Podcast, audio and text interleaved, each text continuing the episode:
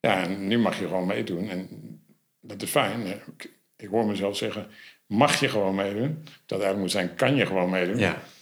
En, en daar moeten we wel naartoe. Dat het heel normaal is dat je niet een, eh, een stoepenklimmer aan een rolstoel monteert... maar dat je gewoon een afritje op elke stoep hebt. ja. En de standaard moet gewoon goed zijn.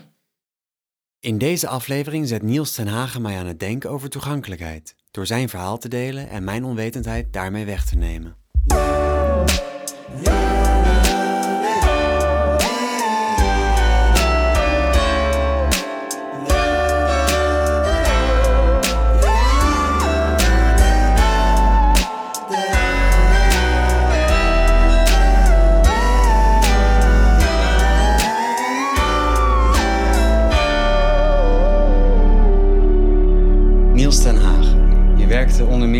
Amsterdam en Zwolle en nu voor Rijkswaterstaat. En vanaf 2002 ben je als zelfstandige begonnen en werk je voor bedrijven en overheden als gastspreker, workshopleider en dagvoorzitter. En nog, nog, nog veel meer.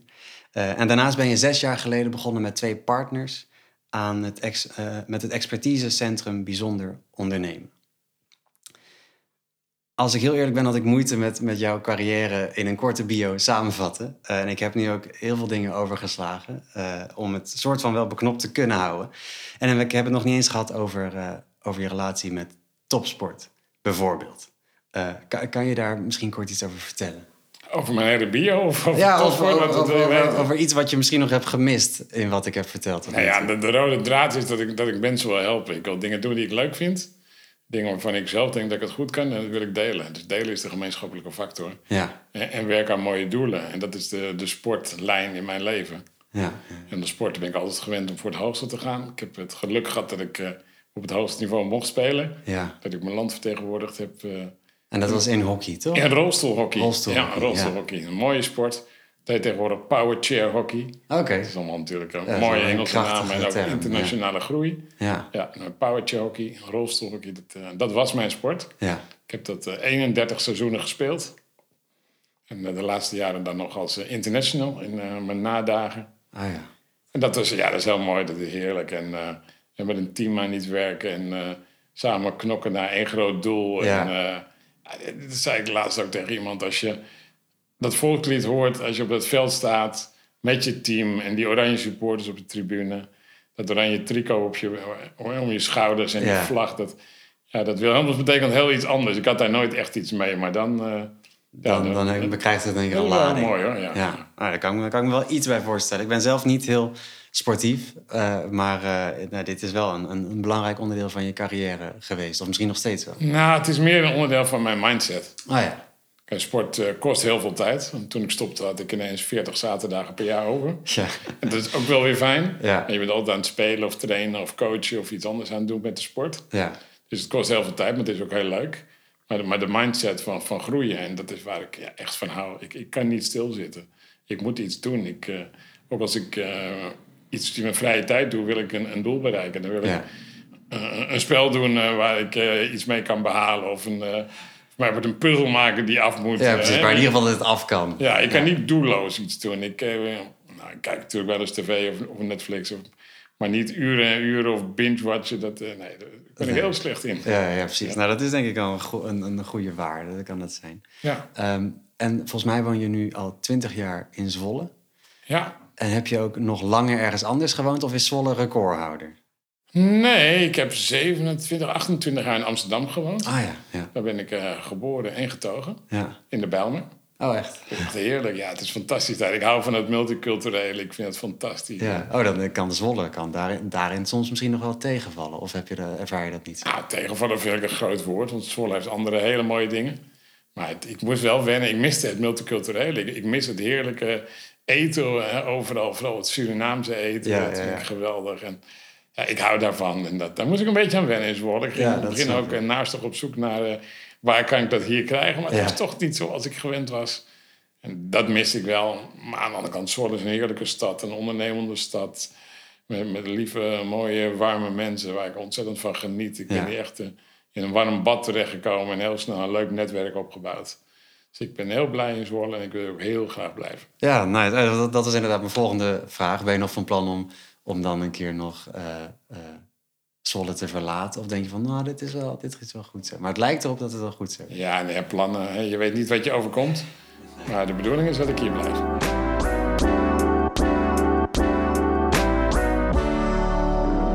Maar waar ik eigenlijk hiervoor eh, met jou wil spreken, is omdat ik het wil hebben over toegankelijkheid in Zwolle. En straks van 4 tot en met 8 oktober is de week van de toegankelijkheid. Ehm, en nou ja, op jouw website zie ik dan weer voornamelijk het woord inclusie voorbij komen. Eh, en dat zijn twee termen die heel vaak naast elkaar staan. Maar wat is nou eigenlijk het grote verschil tussen toegankelijkheid en inclusie? Toegankelijkheid gaat vaak over fysiek naar binnen kunnen ergens. Of iets kunnen volgen. Als je bijvoorbeeld blind bent, dat je een route kunt volgen of bordjes kunt lezen. Dat, dat is vaak waar het toegankelijkheid bedoeld wordt. Ja. Inclusie gaat over onvoorwaardelijk meedoen. En je begrijpt het woord inclusie het beste als je de tegenhanger noemt. En dat is uitsluiting. Ja, En ik ben tegen uitsluiting. Dus je moet zorgen dat iedereen die dat wil voorwaardig kan meedoen aan de maatschappij. ja. En dat is inclusie. Ja, precies. En eh, nou ja, uitsluiting is vaak een, een gevolg van eh, eh, het, het afwijken van een bepaalde norm of van een bepaalde standaard die, wat, wat, het, wat de meerderheid gewend is. Dus diversiteit en inclusie en toegankelijkheid die zijn vaak met elkaar verbonden op een bepaalde manier. Ja. En daar ben jij in je leven ook veel mee bezig, als ik het goed heb. ja, dat klopt. Kijk, de wereld is divers en dat is heel mooi. Maar om een of andere reden willen we graag uitgaan van een standaard. Van de normale mens. En alles wat niet normaal is, dan moeten we maar aanpassen of daar moeten we iets mee doen. Ja, En bij inclusie dan gaat het echt over normaal zijn. Dat het alles normaal is dat je overal mee kan doen. Hè, dat je niet via een achterdeur een theater binnen kan. Of dat je ehm, bij een bus maar met één rolstoel tegelijk mag. Of dat je alleen maar met een bepaalde taxi of auto eh, ergens heen kan. ja. Of dat je bij de trein eh, uren van tevoren moet bellen. En dat ze dan apart voor jou een plank neerleggen. Dat je niet alle minuut kunt beslissen om nu naar Rotterdam te gaan. Nee, precies. Dat je eigenlijk automatisch al een heel ander leven moet leiden dan, dan iemand anders. Ja, Ja. En eh, hoe vind je dan dat jouw omgeving hier in Zwolle daarmee omgaat? En merk je dat er verschil is met bijvoorbeeld een grote stad als Amsterdam? Nou, elke stad is anders. En hoe ouder de stad, hoe meer oude panden, oude gebouwen, Ja. oude, oude straten. Dus Zwolle is ook een redelijk oude stad. Dus dat merk je in de toegankelijkheid. Mhm. Ik weet wel dat Zwolle heel graag wil. Ja. Ik weet ook dat we met Stichting Toegankelijk Zwolle echt een hele mooie organisatie hebben die keihard werkt. Het is eh, langzaam begonnen, maar nu zijn ze volgens mij vol gas bezig om Ja, eh, precies. overal een vinger in de pap te krijgen. Ja, want heb jij daar ook goed. een rol bij die stichting? Nee, ik, eh, ik, ik lift af en toe met ze mee of ik help ze als ze mijn, mij nodig hebben. Maar ik, ik ben daar geen onderdeel van. En ze doen dat prima, ze hebben mij ook niet nodig. dus nee, dat is helemaal prima. Oké, nice. En ehm, eh, heb, je, heb je positieve voorbeelden van, van bijvoorbeeld die stichting, wat, wat ze doen, of wat jij merkt in Zwolle, wat eigenlijk, eigenlijk wel heel erg goed geregeld is? Nou, een van de dingen waar ze zich de laatste tijd druk over hebben gemaakt is eh, aangepaste speeltuinen. Als Ja. kind wil je ook gewoon meedoen. Ja, En wil je niet aan de kant staan kijken hoe andere vriendjes en vriendinnetjes op een schommel zitten. Of eh, leuke dingen doen met glijbanen en zandbakken. nee, Dan wil je precies. meedoen. En daar zich bijvoorbeeld de laatste maanden, en misschien wel jaren zelfs, eh, echt hard voor gemaakt dat in iedere wijk een speeltuin is waar je gewoon lekker samen kunt spelen. Ja, En dat is leuk. Ja, zeker. En dat denk ik ook wel heel belangrijk. Maar misschien is dit ook wel soms zelfs een, een voor veel mensen tenminste, een onzichtbaar probleem. Eh, hoe, hoe denk je dat zo'n stichting, of dat überhaupt mensen, of nou ja, de podcast is dan een, een manier om het zichtbaarder te maken, de problemen die er zijn ontstaan. Maar wat zou nog meer een manier zijn om, om dit voor sommige mensen onzichtbare probleem meer zichtbaar te maken? Ja, het antwoord zit in je vraag. hè. Door, door zichtbaar te zijn. Ja, Dus iedereen die eh, een beperking heeft of op een bepaalde manier niet mee kan doen, moet dat verhaal vooral delen. ja. En delen met de mensen die het niet weten. Misschien weet een restauranthouder niet dat die eh, niet goed toegankelijk is. Of dat je met een hele kleine moeite een braillekaart kunt eh, neerleggen. Waar iemand die niet kan zien toch de menukaart kan lezen. Ja. Door dat te vertellen en dat te delen en vooral je kennis te delen kun je mensen helpen. Ja, precies. Want ik heb op, op het eh, internet was een, was ik een mooi interview eh, met jou. En dat ging over dat je eh, bij Rijkswaterstaat uiteindelijk te werk kwam. En daarvoor ervaarde je best wel vooroordelen of, of mensen die bang zijn om iemand met een beperking of een ander soort mens aan te nemen. Of daar was een soort van angst voor. Uh, maar op een gegeven moment ben je dat inderdaad gaan delen, wat je net zei. En kwam je bij groepen waar je, waar je sprak. En heb je eigenlijk via die weg ook weer een baan gevonden, als ik het goed heb? Ja, het is niet helemaal zo. Ik, uh, dat spreken deed ik altijd al. Dus ik heb altijd mijn verhaal gedeeld. Ja. Um, ik heb er door privéomstandigheden voor gekozen om niet meer te ondernemen. Maar na 15 jaar weer in loondienst te gaan. Vooral de financiële zekerheid uh, had ik nodig. Ja, snap ik. Ik heb een fijn en mooi huis, maar ook een mooie hypotheek. dus dat, daar moet ergens van betaald worden. Ja. En ondernemerschap, en zeker in coronatijd, ja, is dan toch wat onzeker. Ja. Dus ik ben op zoek gegaan naar een baan. En ik heb een, een redelijk cv, eh, zoals je al schetste bij de bio. Ja. Maar puntje bij paaltje was ik toch gewoon een arbeidsgehandicapte van 48... Uh, met een, een gat van 15 jaar op mijn cv. Waar in ieder geval richting loondienst. En toen dacht ik, ja, het is best lastig om, om een baan te krijgen. Wat gek eigenlijk. Ja. En toen werd ik zelf weer bewust van die beeldvorming die er heerst. Want vaak kwam je dan in gesprek, mooie gesprekken, goede gesprekken. Maar elke keer werd ik het net niet... En de reden werd uh, vaak niet uitgesproken, want dat mag dan niet. Hè? Dan raak je misschien het vlak van discriminatie en dat, dat willen mensen niet. Nee. Bovendien wordt er vaak niet verteld waarom je wordt afgewezen bij sollicitatie. Het zijn vaak containerbegrippen. maar ik werd toen wel echt met mijn neus op de feiten gedrukt. En bij Rijkswaterstaat hebben ze de baanafspraak. Dat is een regeling vanuit Den Haag. Mensen die uh, moeilijk aan het werk kunnen komen, die, uh, nou, die kunnen daar een bepaalde steun voor krijgen. Werkgevers krijgen daar steun voor. En dan, ja, dan kun je eigenlijk die beeldvorming beïnvloeden, want daar gaat het over. De baanafspraak is bedoeld om werkgever en werknemer dichter bij elkaar te brengen. Werkgevers hebben een soort van onbekend, maar onbemind angstgevoel. Ja. Hebben ze een aantal sollicitanten en er zit dan iemand met een arbeidsbeperking. Ik zeg, ja, wat kan ik verwachten? Wat gaat me gebeuren? Nu ziet het er allemaal prima uit, maar straks. is een onderliggende angst. De werknemer heeft het ook, van ik ben er al een tijdje uit, het is best een pittige vacature, kan ik dat wel waarmaken. Dus die twee partijen die spraken elkaar niet of die kwamen er niet uit. Nee. En door de baanafspraak kun je mensen dan bij elkaar brengen. Er zit een stukje ondersteuning, subsidie bij. Bij Rijkswaterstaat hebben mensen ook bovenformatief mogen plaatsen. Dus die uh, drukken niet op het budget en je vervult geen reguliere vacature. Ah, ja. Ja. Inmiddels groeien ze door hoor, de collega's naar reguliere vacatures. Dus dat is helemaal inclusie. Ja, precies. Maar dat bovenformatief was een heel mooi hulpmiddel om mensen wel binnen Rijkswaterstaat te plaatsen. Ja. Waardoor je echt op elkaar kunt wennen. En dan allebei ontdekken dat het helemaal niet eng of moeilijk is, maar dat je gewoon lekker samen kunt werken. Ja. Ja. En dat is voor mij heel fijn. Ik mag daar, uh, ja, daar een bijdrage in. Ja, precies, want je werkt er nou nog niet eens heel lang toch? Of heb ik dat... Nee, ik ben uh, eh, 1 juni begonnen. Oh ja, nou, te gek. Ja, ja. vanaf april, toen ik hoorde dat ik uh, de baan kreeg, ben ik al fulltime ingewerkt. Ja. Oh, ja. Dus ik had al 100 overuren voor mijn eerste werkdag. maar dat is ook fijn, want ik kon lekker vol gas beginnen. Ja. En mijn voorganger heeft fantastisch werk gedaan. Die heeft het ook helemaal op de rails gezet. Dus ja, ik kwam in een gespreid bedje. Ja, precies. Mooi. En je gaf net aan dat inderdaad, nou, dat, dat ondernemen, dat je dat niet meer doet? Of misschien minder? Ehm, nou, mijn één bedrijf, nielsdenhagen.com. Waar ik uh, een dagvoorzitter, public speaker ben. Allemaal mooie dingen op een podium mag doen, zeg ik altijd. Om mijn verhaal te vertellen. Nou, dat lag zo goed als stil uh, in coronatijd. Uh, er waren geen podia meer en je mocht nergens heen. Daarnaast heb ik nog het expertisecentrum, bijzonder ondernemen. Dat draait nog steeds. Okay. Mijn twee compagnons die doen gewoon lekker wat ze altijd gedaan hebben, maar nu zonder mij. Ja. Ik ben dan wel directeur en aandeelhouder. Dus ik ben nog betrokken en af en toe vlieg ik in. -huh. Maar dit, uh, dat gaat allemaal prima. Dus ik ben eigenlijk fulltime eh, ambtenaar nu. Oh ja. En uh, ondernemen blijft een hobby. Dus waar het kan en waar het mag en waar het mogelijk is, doe ik dat nog. Ja, precies. En je vliegt soms nog in bij, bij het expertise, expertisecentrum Bijzonder Ondernemen. En wat is dat expertisecentrum? Wat, wat houdt dat in? Wij helpen mensen voor je betaald werk niet vanzelfsprekend is... Uh, om het ondernemerschap te ontdekken. Ondernemerschap kan vaak een mooi alternatief zijn voor werk in loondienst. Ja. Omdat je als ondernemer uh, baas bent over tijd en energie. Mm. En je dagritme en andere zaken uh, waar je in loondienst vaak tegenaan loopt. Ja. Dus het ondernemerschap kan een heel mooi alternatief zijn. Dat betekent wel dat je ondernemer in je moet hebben. Niet zo van ik kan geen baantje vinden, dus laat ik dan maar gaan ondernemen. Nee, precies. Maar heel veel mensen hebben dat gevoel. Ik wil eens voor mezelf beginnen. En of andere mensen zeggen van joh. Uh, Waarom zou je niet voor jezelf beginnen? Precies, nou dat.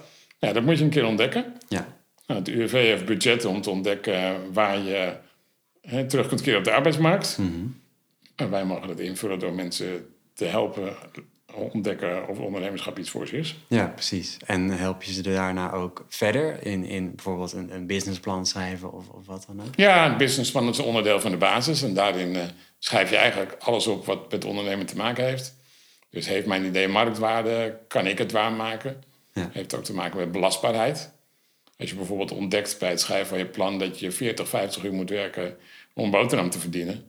En je belastbaarheid is maar 20 uur, dat is dat de manier om te ontdekken dat ondernemen misschien niks voor je is. Nee, precies. Of in dat je iets moet doen met je prijzen en producten. Ja. Dus, dat is een onderdeel, maar ook eh, ja, hoe, ga, hoe ga ik de dingen regelen en inrichten? Wat heb ik nodig? Wat kan ik zelf halen? Wat kan ik bij andere mensen halen? Hoe kun je samenwerken met mensen? Ja. Dus we helpen met de basis leggen, dat is het ondernemingsplan. Dat noemen ze dan het werkfit traject. En als mensen dan dezelfde keuze maken van ondernemen, dat kan ik en dat wil ik en daar, ga ik voor. Dan helpen we ze nog met een uh, nawerktraject om eh, de eerste maanden te starten. Ja, ja, precies.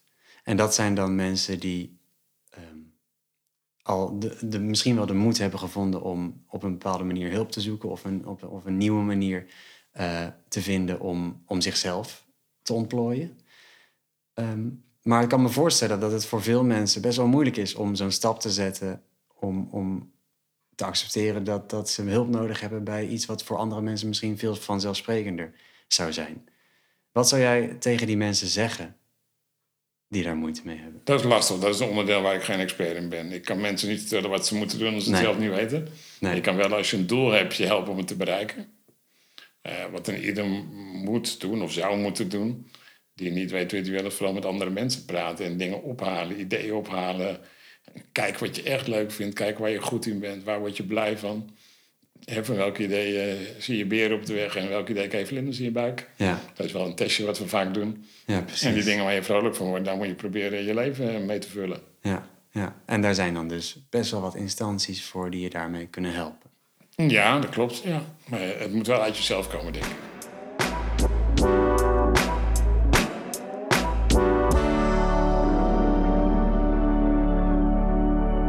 Jij zelf ervaren in je leven dat je, dat je heel erg het zelf moest doen? Of heb je juist heel veel steun gehad aan, aan allerlei mensen om je heen? Of, of hoe, hoe is dat eigenlijk voor jou gegaan?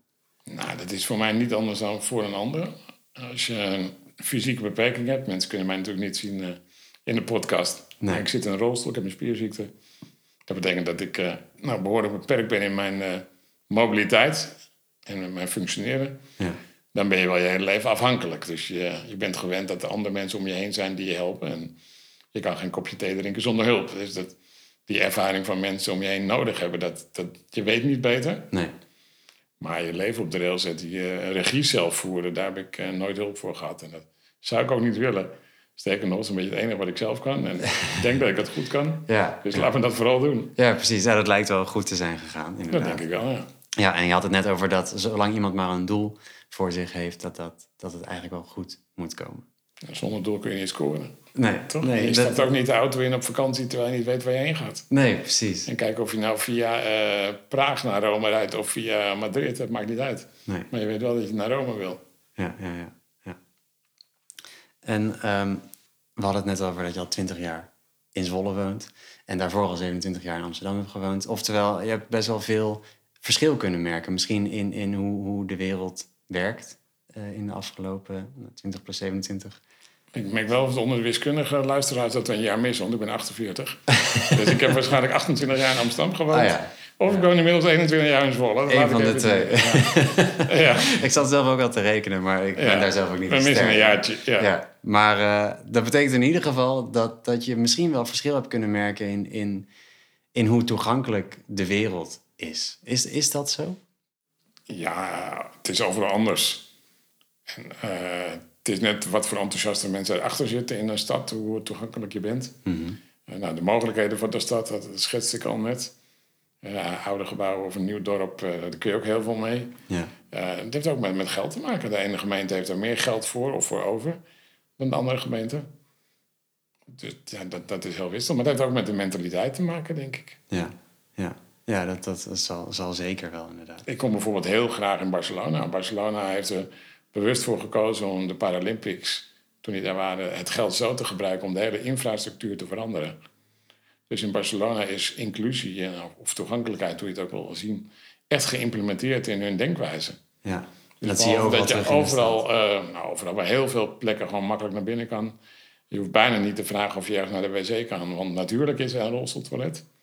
Dus daar hebben ze heel goed over nagedacht. Ja, Bovendien, als je een terrasvergunning wil, bijvoorbeeld in Barcelona, en je hebt een iets, iets grotere zaak, ik geloof 50 zitplaatsen of meer, dan, eh, dan moet je ook een rolstoeltoilet hebben, anders krijg je geen terrasvergunning. ah ja. En kijk, dat zijn mooie hulpmiddelen Ja. om ook de ondernemers te laten nadenken. En het maakt toegankelijk. ja, precies. En het is dan eigenlijk ook vanzelfsprekend. Het wordt steeds vanzelfsprekender in zo'n stad als het overal inderdaad geïmplementeerd is. Ja, en dat is wat wij in Nederland moeten gaan doen met het bouwen van woningen. Ja, Er wordt heel vaak gedacht aan een x-percentage eh, rolstoeltoegankelijke woningen. Omdat je daar als rolstoelgebruiker in moet kunnen wonen. Maar je wil meer, je wil ook mensen kunnen bezoeken. ja, Dus ook gebouwen die wat hoger zijn, daar zou standaard een, een lift in moeten. Ook al is het maar drie hoog. En dat doen we in Nederland eigenlijk niet. nee. Nee, nee dat, dat is echt wel een goed punt inderdaad. Want je, zou dan, je denkt dan, oh, we bouwen een bepaald percentage... want er is ook een bepaald van de percenta- percentage van de bevolking die dat nodig heeft. Maar dan denk je niet ver genoeg. Want Ja. dan, dan heb je alsnog uit, te maken met uitsluiting. Ja, nou ja, gisteren hebben we bij een vriend gegeten waar ik eh, nu met eh, wat plankjes en hulpmiddelen naar binnen kan. Maar die gaat binnenkort verhuizen naar ergens waar dat niet kan. Dat was dan de, ja, de laatste keer dat je bij elkaar toen zei, ik bij hem kan eten. Ja, Dat is wel best maf. Ja, dat, ja dat, is, dat is heel maf. Ja.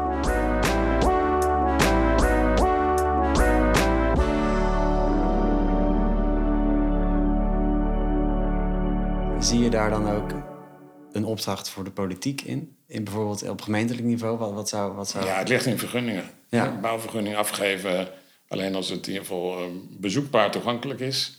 Je kunt niet verwachten dat elk huis wat je bouwt een aangepaste badkamer heeft. Omdat je ook moet kunnen logeren, bij spreken. Nee, precies. Maar bezoekbaar dat je de entree goed is, eh, redelijk drempelloos of laag, ehm, deuren breed genoeg, een lift als het verdieping heeft. Dat soort basisdingen zou je eigenlijk moeten opnemen in bouwbesluiten. Ja. We vinden het vaak belangrijker dat een dure architect het heel erg mooi maakt. en Dat er eh, mooie trapjes en dingetjes aan zitten. Ja. Dan dat we gewoon allemaal lekker bij elkaar bezoeken. Ja. En dat geldt ook voor andere vergunningen, zoals de horeca of eh, aanbestedingen in vervoer. Nou, daar wordt gelukkig wel steeds beter over nagedacht. Eh, ja, het is belangrijk dat je bij alles wat je doet nadenkt of iedereen kan meedoen. Ja. En nou ja, dat is dan op, op, op gemeentelijk niveau inderdaad. Daar heb je heel veel te maken met vergunningen. Eh, maar op landelijk niveau is, is daar ook nog op een bepaalde manier invloed uit te oefenen op dit soort problemen. Elk onderdeel van de overheid heeft zijn eigen verantwoordelijkheden. We hebben het Rijk, we hebben de provincie en we hebben de gemeente. Ja, En die hebben allemaal dingen waar ze invloed op kunnen uitoefenen. Het openbaar vervoer is bijvoorbeeld weer van de provincie, dus die doen daar hun ding. En het Rijk gaat over budgetten en subsidies en, eh, en zorgkosten of, of andere regelingen. Dus daar kunnen ze ook weer dingen mee doen. ja. Iedereen moet op zijn eigen niveau meewerken aan, eh, aan inclusie.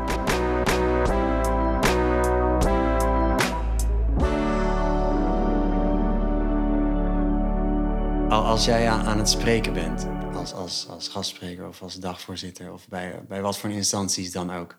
Wat is voor jou eigenlijk altijd de, de, de rode draad? Je had het aan het begin van de aflevering over delen. Ja. Eh, en is dat ook iets waar je dan graag over spreekt? Nou, de rode draad is het kan wel. Kijk maar. Ja. Ik had er in het begin moeite mee om mezelf letterlijk op een podium te zetten. Want ik, ja, ik zie mezelf niet als een voorbeeld of eh, weet ik veel wat mensen allemaal van maken. Dat, daar hou ik niet zo van. Nee. Maar langzaam ontdekte ik door mijn verhaal te delen dat mensen, de zichtbaarheid is belangrijk. Dat mensen zien van, hey, verrek je, gechargeerd aan. Die gozer kan helemaal niks, maar die staat hier wel zijn verhaal te vertellen. En die heeft het op een bepaalde manier wel gemaakt. Ja. Tenminste, ik heb een, een goed leven, vind ik wel. Dus door dat te delen, dat wel kan, hoop ik dat ik andere mensen inspireer. Die misschien net dat extra stapje nodig hebben. Uh, of ik hoop dat mensen die werken met mensen die het moeilijk hebben of dingen niet kunnen, die denken, nou, als ik diegene help, dan kan ik het ook. Of zo had ik er nooit over nagedacht. Mhm. Dus door ergens te zijn en, en uh, te delen, help je andere mensen. Mensen gaan één keer nadenken of je wel een restaurant binnen kan. Of dat je wel met het, uh, bij iemand het huis in kan. Of hoe je zit met vervoersdingen. En het betekent niet dat ik mijn probleem altijd een anders probleem wil maken. Maar door er te zijn en zien hoe ik dingen oplos, nou weten mensen wel dat er heel veel mogelijk is. Ja, precies. Maar ook wat er niet mogelijk is. En dat zet mensen ook weer aan te denken. Ja, ja want nu in, in dit eh, nou ja, relatief korte gesprek wat wij nu hebben, eh, zijn er al heel veel dingen die je hebt gezegd waar ik zelf in mijn dagelijks leven niet per se over nadenk. Eh, maar die wel heel erg aan de hand zijn elke dag voor heel veel mensen. Ja. Merk je ook dat als jij hebt gesproken, dat je heel veel mensen echt aan het denken zet? Dat hoop ik wel. En dan kan je natuurlijk vaak terug naar aflopen, dat is ook logisch. Ja, Eh, maar het gaat erom dat mensen dingen niet weten en dat het niet erg is ook. Je mag mensen ook niet eh, beoordelen of veroordelen omdat ze iets niet goed doen. Het is vaak onwetendheid en, en niet eh, onwillendheid, Nee. onwelwillendheid. Mensen willen wel graag, maar ze, ze weten niet hoe. En ze hebben er soms gewoon ook helemaal niet over nagedacht. nee, precies. Die maken iets heel moois en hebben helemaal niet nagedacht of de draai wel of niet te maken is met een rolstoel. Of dat er een, eh, een, een- iets in het midden staat waar iemand die blind is eh, en niet langs kan of over struikelt. Ja, Of mensen niet kunnen horen dat ze een alarm of een omroepsysteem niet meekrijgen. nee, precies. Zo'n hele simpele dingen, maar door het te vertellen en door er te zijn, door gewoon mee te doen dus in die maatschappij, creëer je bewustzijn. Ja, En we zijn heel- heel erg gewend om dingen op te lossen voor mensen eh, ja, die niet bij de standaard horen. En in het begin was het zelfs zo erg dat het eh, liefdadigheidsmodel was. Jij bent stuk en wij gaan jou wel helpen luciferdoosjes ophalen om eh, het dorp te bouwen... waar we allemaal gehandicapt eh met elkaar proppen in de bossen van Arnhem. ja, Ja, en nu mag je gewoon meedoen. En dat is fijn. Ik, ik hoor mezelf zeggen, mag je gewoon meedoen? Dat eigenlijk moet zijn, kan je gewoon meedoen? ja, En, en daar moeten we wel naartoe. Dat het heel normaal is dat je niet een, eh, een stoepenklimmer aan een rolstoel monteert... maar dat je gewoon een afritje op elke stoep hebt. ja. En de standaard moet gewoon goed zijn. Ja, en dat heeft dan wel te maken met een andere denkwijze. Ja, Ja. En nou, ik denk dat het nu een soort van conclusie kan zijn, is dat die denkwijze eh, kan worden veranderd in het algemeen, zolang er maar inderdaad wordt gedeeld. En dat zichtbaarheid centraal staat. En dat, dat er continu, of dat mensen eh, überhaupt ermee bezig zijn, veel meer. ja, iedereen moet altijd zijn verhaal delen. En niet om, om zielig te doen of om aandacht te vragen... maar om die onwetendheid bij een ander weg te nemen. Ja. Ja, helder eigenlijk. nou, dan, eh, dan is het nu tijd voor de dagvraag. En dat De is dagvraag. En dat is de laatste vraag die ik stel. Dat is echt een dagvraag. Echt een dagvraag in deze aflevering. En eh, daarna zeg ik dag. Ja. Ehm, als je 15 seconden de aandacht van de wereld zou krijgen, wat zou je in die 15 seconden zeggen of doen? Ik zou mensen vragen om eh, lief elkaar te zijn. Om eh, kennis te delen. Om te vertellen wat je dwars zit. Om elkaar te helpen waar het kan. En vooral dingen samen te doen. En niet in je eigen wereld te zitten en aan je eigen belangen denken. Maar als je iets voor een ander kunt doen, doe je elke dag maar iets voor een ander. Wordt de wereld zoveel mooier. En dan help je elkaar om de wereld echt een stuk beter te maken. En volgens mij was het zelfs in 15 seconden. Time management, Ja, heel goed. Volgens mij heb je ervaring in het spreken. een beetje. Ja, het lijkt erop. Nou, eh, hartelijk bedankt. Ik heb heel veel geleerd en eh, je hebt me echt aan het denken gezet. En ik hoop dat, ik, dat, dat we, dat, dat jij de luisteraars ook aan het denken kunt zetten. En eh, nou, heel erg bedankt. Graag gedaan, ik vond het leuk. Je luisterde naar Zolle Zoomt In. Met deze keer een boeiend gesprek met Niels ten Hagen. Ik ben Niel Nieuwenkamp en ik zou het heel leuk vinden als je deze aflevering wilt delen met je omgeving. Daarnaast wil ik je enorm bedanken voor het luisteren.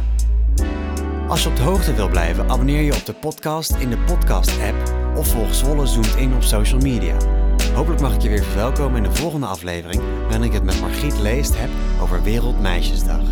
Heel graag tot de volgende.